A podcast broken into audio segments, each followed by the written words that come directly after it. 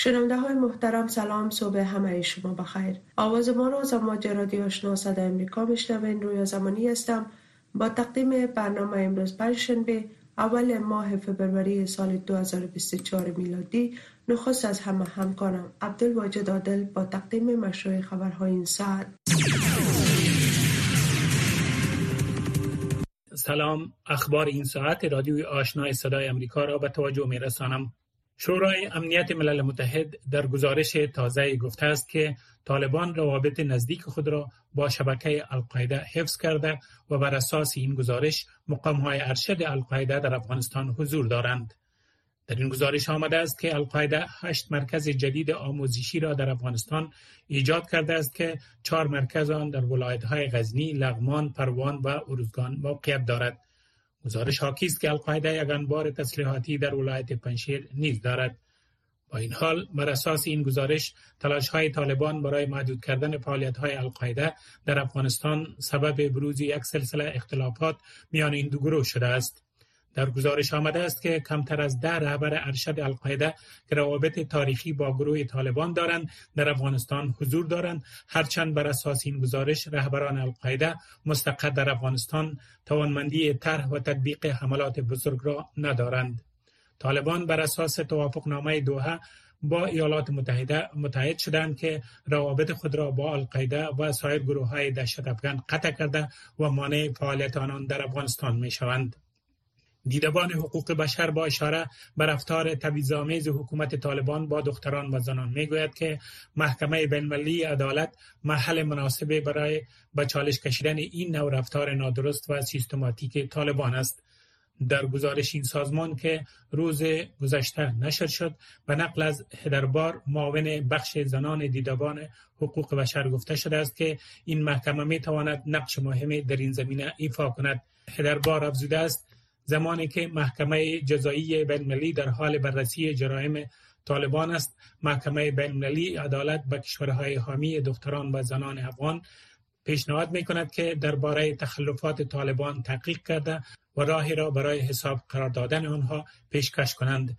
راهی که به گفته هدربار می تواند زمینه را برای انجام چنین اقدامات فراهم کند تا تاثیر مثبت داشته باشد.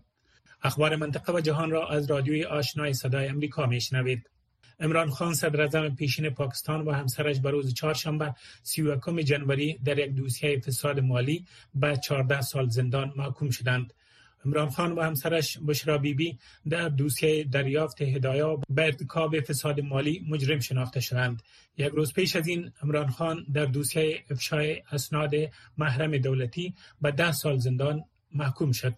سخنگوی حزب تحریک انصاف و رهبری امران خان به ها گفت روز غمانگیز دیگری در تاریخ نظامی قضایی ماست که در حال نابودی است. این محکمه در داخل زندان ادیاله در حومه اسلام آباد پایتخت پاکستان را اندازی شد جایی که امران خان از زمان بازداشت او در ماه آگست در قید به سر می‌برد. شاه محمود قریشی معاون حزب تحریک انصاف نیز در دوسیه افشای اسناد محرم دولتی به ده سال زندان محکوم شده است. قریشی نیز همکنون در زندان ادیاله در قید به سر می‌برد. امیر سعید اروانی سفیر ایران در سازمان ملل متحد تهدید کرده است که به هر گونه حمله بر جمهوری اسلامی ایران پاسخ قاطع داده خواهد شد. پس از حمله شبه نظامیان مورد حمایت ایران بر یک پایگاه نظامی در اردن که منجر به کشته شدن سی نظامی و زخمی شدن کم از کم چل نظامی دیگر امریکایی شد ایالات متحده گفته است که برای حملات انتقام جویانه آمادگی می‌گیرد. خبرگزاری دولتی ایران ارنا روز چهارشنبه از قول اروانی نگاشته است که هیچ گروهی در منطقه وجود ندارد که چه به گونه مستقیم یا غیر مستقیم زیر کنترل ایران باشد. او همچنین گفته است که ایران در قبال اقدامات هیچ فرد یا گروه در منطقه مسئولیت ندارد. از سوی دیگر دفتر کنترل دارایی های خارجه وزارت مالیه ایالات متحده بر سه نهاد و یک فرد مستقر در لبنان و ترکیه به خاطر فراهم آوری حمایت مالی به نیروی قدس سپاه پاسداران انقلاب اسلامی ایران و شبکه مالی گروه حزب الله لبنان تحریم وضع کرد. وزارت مالیه ایالات متحده روز چهارشنبه با نشر اعلامیه گفت که این سه نهاد و فرد تحریم شده صدها میلیون دلار را از طریق فروش اجناس ایرانی به شمول فروش به حکومت سوریه درآمد کردند در اعلامیه آمده است که درآمد ناشی از فروش این اجناس منبع کلیدی تمویل ادامه فعالیت های دهشت افغانی سپاه پاسداران انقلاب اسلامی ایران و حزب و حمایت از دیگر سازمان های دهشت افغانی در سراسر منطقه تلقی می شود. اردوی ایالات متحده روز چهارشنبه گفت که یک جت جنگی F-16 امریکا در کوریای جنوبی سقوط کرد اما پیلوت این جنگنده از این سانحه نجات یافت. نظامیان ایالات متحده با نشر اعلامیه گفتند که این تیاره جنگی حوالی ساعت 8 و 41 دقیقه صبح به وقت محل پس از آن که در حال پرواز دچار حالت اضطراری شد در سواحل غربی کره جنوبی سقوط کرد و گفته مقام ها پیلوت این تیاره حوالی ساعت 9:30 دقیقه صبح به وقت محل پیدا شد و برای مراقبت صحی به شفاخانه منتقل شده است. وضعیت صحی این پیلوت خوب توصیف شده است. اردوی ایالات متحده در این اعلامیه از همکاری نزدیک کره جنوبی در جریان عملیات نجات ستایش کرده است. از ماه می 2023 به این سو این سومین جت F16 است که در کره جنوبی سقوط کرده است. بر اساس هشدار جدید مقامات ارشد امنیتی ایالات متحده های از هکرهای مرتبط با دولت چین به وقفه در سیستم های کامپیوتری که به اجرای زیربناهای حیاتی ایالات متحده کمک می کند نفوذ می کنند و تهدید فوری است که نمی‌توان نادیده گرفت. مقامات اداره تحقیقاتی فدرال ایالات متحده FBI اداره امنیت سایبری و امنیت زیربنا و قمانده سایبری اردوی ایالات متحده چهارشنبه در برابر قانونگذاران شهادت دادند و از کشور خواستند تا قبل از اینکه خیلی دیر شود اقدام کنند. پایان اخبار از رادیوی آشنای صدای امریکا شنونده های محترم شما مشروع خبرها را شنیدید و حالا می پردازیم به گزارش این بخش برنامه. انتونی بلینکن وزیر خارجه ایالات متحده هشدار داد که جنگ دفاعی اوکراین علیه روسیه بدون حصول دوری جدید از کمک های امریکا در خطر است. درخواست برای کمک های مالی در حال مطرح می شود که اتحادیه اروپا می گوید که امنیت اروپا در خطر است. گزارش سیندی سین خبرنگار صدای امریکا را در این مورد از نجیب خلیل میشنوید. با ادامه حملات روسیه بر مناطق مسکونی اوکراین انتونی بلینکن وزیر خارجه امریکا جدا هشدار داد که کنگرس ایالات متحده باید بودجه ای را تصویب کند که شامل کمک های نظامی به شدت مورد نیاز برای کیف است. او گفت این حیاتی است که کانگرس درخواست بودجه ای را که رئیس جمهور در مقابل آن قرار می دهد تصویب کند. در غیر آن دستاوردهای اوکراینی ها و کمک مابان ها در خطر خواهد بود. اعضای جمهوری خواه کانگرس از تصویب این بودجه پیشنهادی به خاطر آنچه که آنان آن را نگرانی در مورد مهاجرت و امنیت در سرحد جنوبی ایالات متحده با مکسیکو می‌خوانند متوقف کردند.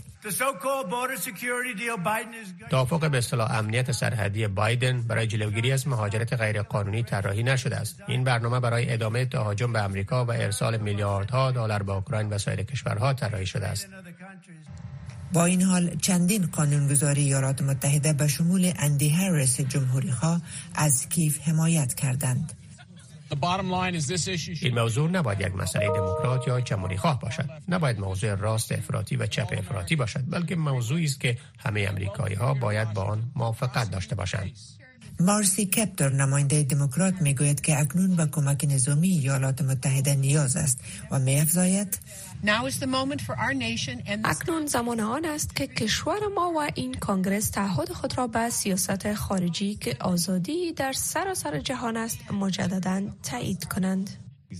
در اروپا چندین رهبر ارشد از جمله امانوئل مکرون رئیس جمهور فرانسه با درآوردن صدای زنگ خطر در مورد پیروزی احتمالی روسیه بر اوکراین می‌گوید. هزینه واقعی کوتاه مدت و دراز مدت پیروزی روسیه برای همه ما بسیار زیاد است. به همین دلیل پاسخ معقول این است که از اوکراین در طول این سال و سالهای آینده حمایت کنیم. هر چه که لازم باشد هر چه که هزینه داشته باشد. برخی از کارشناسان معتقدند که ولادیمیر پوتین رئیس جمهور روسیه منتظر است تا قبل از تغییر مسیر در مورد اوکراین نتایج انتخابات ریاست جمهوری امریکا را ببینند و امیدوار است که حمایت امریکا از اوکراین تحت ریاست جمهوری ترامپ از بین برود. روکو راست صحبت های داغ صاحب نظران در مورد خبرها و مسائل روز هر شام از ساعت 8 تا 9 شب در برنامه مشترک دری و پشتوی رادیو آشنا صدای امریکا. بخش زنده این برنامه را در نشرات ماهواره صدای امریکا نیز دنبال کرده می توانید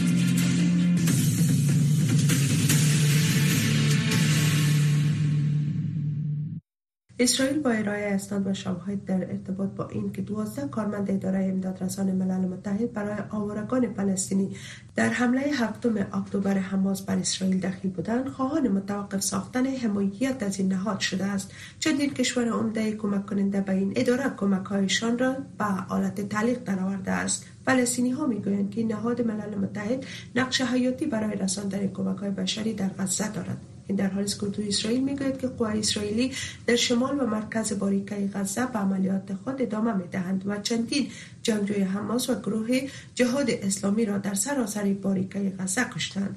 شر بیشتر گزارش های خبرگزاری رویترز و اسوشیتد پرس را ارشینا نوری میشنوید. کانگرس ایالات متحده این هفته در جلسه استماعی متوقف ساختن تمویل اداره امدادرسان ملل متحد برای اورگان فلسطینی را که برای یک میلیون پناهجوی فلسطینی در غزه کمک فراهم می کند مورد غور بررسی قرار می دهد.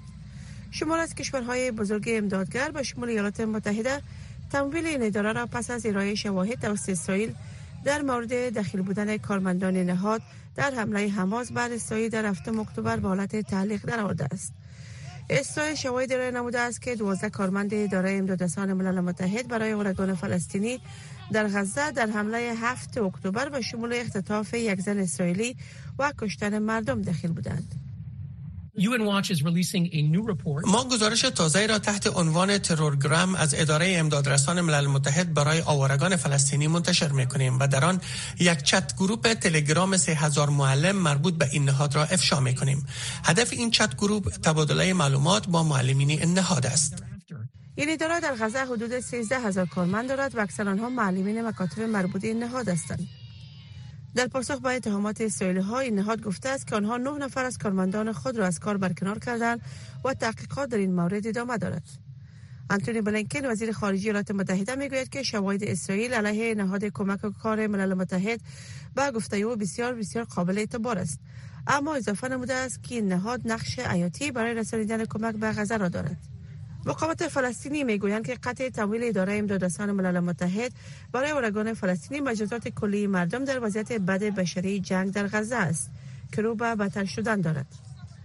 اردو اسرائیل روز چهارشنبه گفت که قوای آنها عملیات خود را در شمال نقاط مرکزی باریکه غزه ادامه می‌دهند و با نشر ویدیویی که روی تر ساعت آن را تایید نکرده نتوانست ادعا می کند که حملات هوایی آنها جنگجویان حماس را هدف قرار دادند.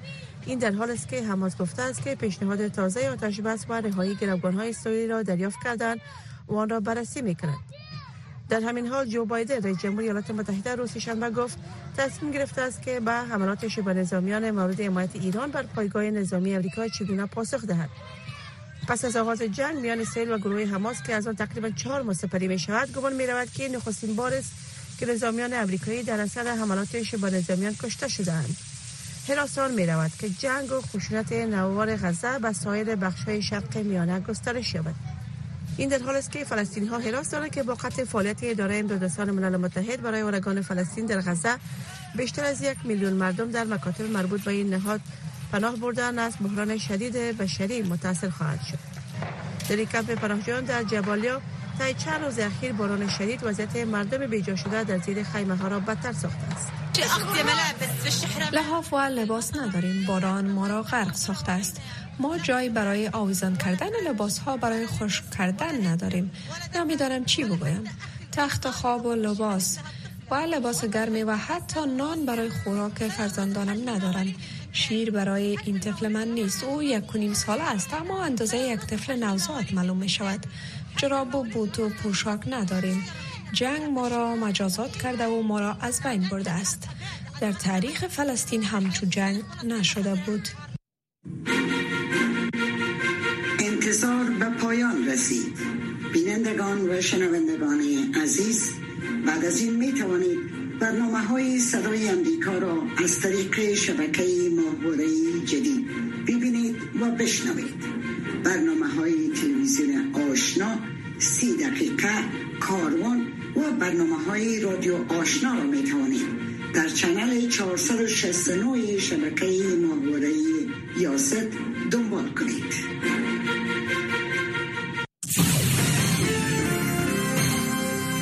آنچه را اکنون میشنوید تفسیری است که آمول و مفکوره های حکومت ایالات متحده امریکا را انعکاس می‌دهد. هر سال صدها هزار نفر از نیمکره غربی جهان برای فرار از خشونت یا فقر از کشورهایشان متواری می شوند. آنان مسافت درازی را برای یافتن محل جدید سکونت تازه طی می کنند و مکررن تحت شرایط نامساعد قرار گرفته و از مناطق خطرناک عبور می کنند. در این مسیر صدها نفر از آنها می میرند. به همین دلیل حکومت بایدن در ماه جون سال 2022 به 21 رهبر دیگر پیوست و اعلامیه لاس آنجلس در مورد مهاجرین و حفاظت را امضا کرد. کتی توبین معاون دستیار رئیس جمهور و اماهنگ کننده اعلامیه لاس آنجلس در شورای امنیت ملی می‌گوید این موضوع به پیمانه زیاد یک آزمون منطقوی و واقعا یک آزمون جهانی است و چیزی است که یک مسئولیت مشترک می باشد. او گفت اعلامیه لاس انجلس بر ثبات نفوس در محلات متمرکز است که در آنجا زیست دارند و این عرصه را بر آنان سهل می کند تا جایی که هستند زندگیشان را دوباره احیا کنند راه های قانونی را در سر تا سر منطقه گسترش می دهد تا نه تنها در ایالات متحده بلکه در جاهایی که زیست دارند با خانواده های خود یک جا شوند کار پیدا کنند و حفاظت را از سراسر نیمکره غربی در جستجوی حفاظت باشند و در نهایت به گونه جمعی و انسانی سرحدات خود را مدیریت کنیم. توبین معاون دستیار رئیس جمهور گفت که به طور مثال ما از نزدیک با کشورهای چون پاناما و کولمبیا کار می‌کنیم تا به چالش بشری در دریان گپ رسیدگی کنیم. دریانگپ یک ساحه کوهستانی و جنگلزار است در سرحد میان پاناما و کولمبیا است که عبور از آن تقریبا ناممکن بوده و یکی از خطرناکترین مسیرهای مهاجرت در جهان تلقی می شود. توبین گفت دو راه اساسی که ما به این موضوع می پردازیم در پاناما حمایت از حکومت برای افزایش برگرداندن افراد است که به دارین می‌رسند و اساس قانونی را برای باقی ماندن در آنجا ندارند. در کلمبیا ما علایق مشترک داریم تا به مردم راه بدیل عبور از دورین گپ را بدهیم. بنابراین ما با کولمبیایی ها در زمینه گسترش راه های قانونی از نزدیک کار می‌کنیم. معاون دستیار رئیس جمهور امریکا همچنین گفت با مکسیکو نیز روی رسیدگی به دلایل اساسی مهاجرت کار می‌کنیم. او گفت این چیزی است که هر دو رئیس جمهور بایدن و رئیس جمهور لوپس ابرادور علاقه قوی به آن داشته و بر ضرورت سرمایه گذاری روی دلایل اصلی باورمندند. بنابراین ما یک تفاهم نامه رسمی را میان سازمان های انکشافی خود اداره ایالات متحده برای انکشاف بین المللی و اداره همکاری بین المللی مکسیکو برای انکشاف امضا کردیم و ما به گسترش این همکاری در امریکای مرکزی همچنان ادامه داده و امیدواریم این همکاری در سایر بخشای نیمکره گسترش یابد. توبین معاون دستیار رئیس جمهور امریکا گفت آزمون مهاجرت به تنهایی توسط ایالات متحده و مکسیکو کم از کم در نیمکره غربی هرگز حل نخواهد شد. بنابراین ما به کار روی تقویت مشارکت با 22 کشور شامل در اعلامیه لاس آنجلس و واقعا با تمام منطقه همچنان ادامه خواهیم داد. آنچه را شنیدید تفسیر ای بود که آمال و مفکوره های حکومت ایالات متحده امریکا را منعکس در ادامه گزارش ها از امواج رادیو صدای امریکا گروه بین المللی بحران در گزارش گفته است که افغانستان در سال 2023 در انزوای عمیقتر قرار گرفته چون کشورهای غربی کمک هایشان را به دلیل سیاست های سختگیرانه طالبان علیه زنان و دختران کاهش دادند و تحریم ها و فشارها را برای بر این گروه حفظ کردند. محمد احمدی این گزارش را با نظر تحلیلگران تقدیم می کند گروه بین‌المللی بحران امروز چهارشنبه هشدار داد که آسیب پذیرترین گروه ها به ویژه زنان و دختران در افغانستان به دلیل امتناع بسیاری از کشورها برای تعامل با طالبان با خطرات جدی روبرو هستند. این گزارش طالبان را به دلیل عدم پاسخگویی به خواست جامعه جهانی در قبال لغو یا کاهش محدودیت‌های سختگیرانه علیه زنان و دختران بیشتر مقصر دانسته است. گروه بین المللی بحران در این گزارش گفته است که ثبت نام دختران در مکاتب ابتدایی با وجود ممنوعیت آموزش متوسطه و عالی از 36 به 60 درصد افزایش یافت. اما نقاط منفی رژیم سختگیرانی طالبان به گفته این گروه به آسانی قابل مشاهده است. نیلا مبارز رئیس پیشین سرمیاشت افغانستان که فعلا در کابل قامت دارد می‌گوید که فشارها بر زنان ربطی به احکام شرعی ندارد و صرف وسیله برای فشار چانهزنی بین طالبان و جامعه جهانی قرار گرفته است. گروه بین المللی بحران در گزارش خود متذکر شده است که مساعدت به افغانستان برای رسیدن به خودکفایی به زنان و دختران افغان کمک خواهد کرد. امری که خانم مبارز نیز بر آن تاکید دارد.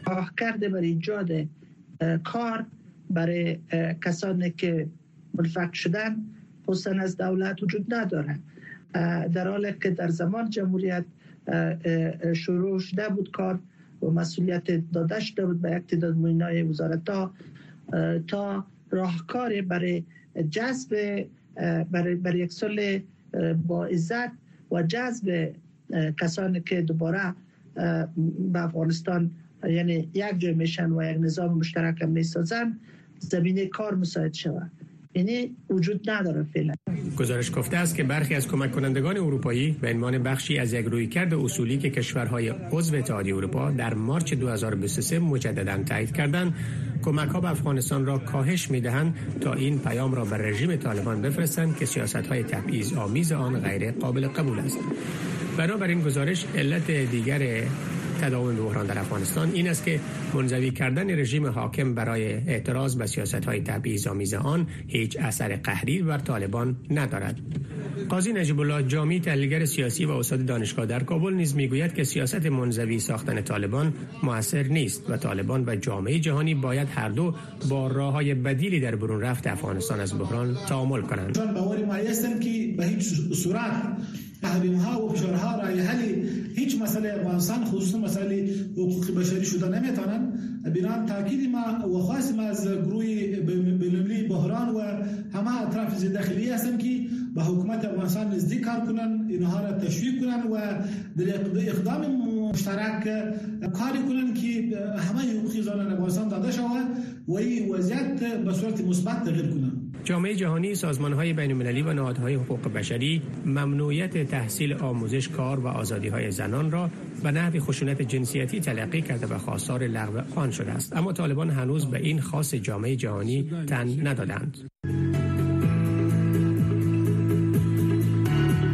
صدا و نظریات شما در مورد مسائل سیاسی اقتصادی فرهنگی اجتماعی و صحی از ساعت ده تا دونیم شب در برنامه مشترک دری و پشتوی رادیو آشنا صدای امریکا.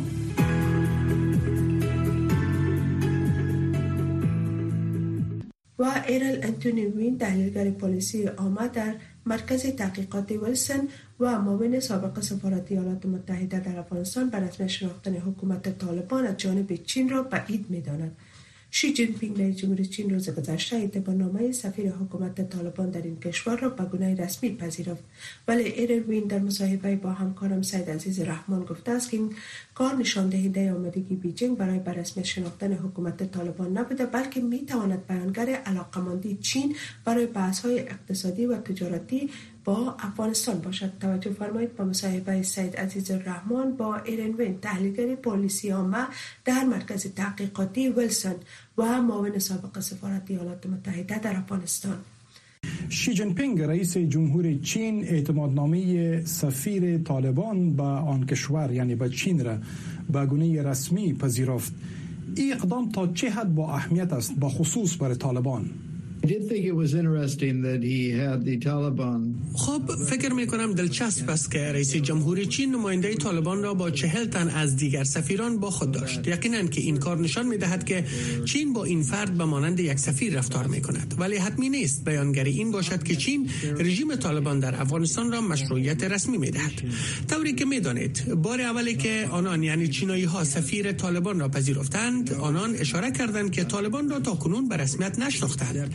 قبل از شناخت رسمی چین خواستار برخی از پیشرفت ها بوده به شمول تشکیل یک حکومت همه شمول در افغانستان. بهبود وضعیت امنیتی و دیگر اصلاحات. بنابراین فکر می کنم باید ببینیم که تماس چین با حکومت در افغانستان به کجا می انجامد خب زمانی که موضوع به رسمیت شناخته شدن حکومت طالبان مطرح میشه ظاهرا به نظر می رسه که بسیاری از کشورها به خصوص جهان غرب در انتظار ای هستند تا ایالات متحده در این جهت گام اول را برداره. پس به باور شما چین در انتظار کی است و یا روسیه در انتظار کی است؟ خب فکر می کنم فشار جهانی هنوز هم وجود دارد تا قبل از برسمیت شناخته شدن. این اطمینان حاصل شود که طالبان تلاش همه جانبه می کنند و فکر می کنم که این یک دیدگاه وسیع و مشترک است. چین نیز این را می داند و روسیه نیز می داند نگرانی بزرگ در مورد زنان و دختران در افغانستان وجود دارد. ولی فکر می کنم که آنان درک کردند که طالبان هنوز هم بر اساس یک دیدگاه بسیار تنگ سیاسی حکومت می کنند و تا حال آن گسترش ندادند. به خاطر به رسمیت شناخته شدن از سوی کشورهای منطقه طالبان ضرورت به آوردن تغییرات بیشتر در شیوه حکومتداریشان هستند. یقین دارم که چین هنوز هم در مورد جنبش افراطی ترکستان شرقی نگران است. ولی در این حال فکر می کنم که چین علاقمند بحث های تجارتی و اقتصادی و تعامل با افغانستان است که شاید یکی از دلایل باشد که چین به کابل سفیر فرستاده و نماینده طالبان در بیجینگ پذیرفته شده است. پس شما احتمال رسمیت شناخته شدن حکومت طالبان از جانب چین را به این تلقی می‌کنید درست؟ خب نمی‌توانم بگویم در مورد این که چین چه فکر در سر دارد می‌دانم. ولی می‌توانم بگویم که آنها یکی دو فرصت برای انجام این کار داشتند. به شمول چند ساعت پیش. اما این کار را نکردند. بنابراین نشان می‌دهد که چین تا کنون آماده این کار نیست. فکر می‌کنم بحث های بین المللی منظم در مورد این که با افغانستان چگونه برخورد شود وجود خواهد داشت. یک گرد همایی بین المللی در ماه آینده برگزار خواهد شد که در آن بحث های بیشتر بیشتر پیرامون این موضوع صورت خواهد گرفت. فکر می کنم چین در قبال این موضوع محتاط عمل می کند اگر چه مایل است ولی به یک بارگی این کار را نمی کند چین گام های کوچک برمیدارد تا ببیند که دیگران چگونه پاسخ می دهند فکر می کنم چین فشار بقیه جامعه جهانی را احساس می کند آقای وین ایالات متحده در مورد نزدیکی روابط بین چین و طالبان ظاهرا نگران نیست ولی فکر نمی کنید که این نزدیکی باعث گسترش دامنه نفوذ چین به عنوان رقیب عمده ایالات متحده در منطقه شود؟ یقینا که می شود و چین با بسیاری از کشورها در منطقه بسیار فعال است. فکر می کنم مشهود است که چین منافع و علاقمندی قوی به خاطر عمیق‌تر ساختن روابط با تمام کشورهای منطقه دارد. چین پروژه ابتکاری یک کمربند یک راه را به پیش می‌برد که بر اساس آن روابط اقتصادی خود را با برخی از کشورها ایجاد می کند چین سرمایه گذاری می کند و با دیگر کشورها کار می کند تا زیر بناهای اقتصادی را بنا کند. و باور من چین علاقمندی زیادی دارد تا بداند که چی چیز در افغانستان امکان پذیر است. ولی از دید ایالات متحده واشنگتن در حال حاضر بیشتر بر یک مجموعه از منافع مشخص متمرکز است. اینکه افغانستان دوباره به یک مکان امن برای توریسم مبدل نشود و آنجا دیگر نقاط جهان را تهدید نکند. ایالات متحده می خواهد تا حقوق زنان و دختران دوباره احیا شود. ایالات متحده می خواهد تا آن افغانهایی را بیرون کند که همکاری نزدیک با این کشور داشتند. ایالات متحده یک مجموعه وسیع از منافع در مورد موضوعات بشری برای دیگران در افغانستان نیز دارد. نه تنها زنان و دختران بلکه اقلیت ها آنانی که ممکن دیدگاه متفاوت در مورد حقوق بشری و دموکراسی دارند. بنان فکر می کنم که ایالات متحده این منافع مشخص خود را دنبال خواهد کرد. ولی هیچ شواهد وجود ندارد که علاقمند رشد و تامین روابط اقتصادی و تجارتی باشد. همچنان جلوگیری از یک بحران بشری یکی از منافع بزرگ ایالات متحده است. این کشور بزرگترین تمویل کننده کمک های بشر دوستانه به افغانستان می باشد شنیده های محترم این بود داشته های بخش برنامه که تقدیم شما شد. برنامه های رادیو آشنا صدای امریکا همچنان ادامه دارد. با ما باشید.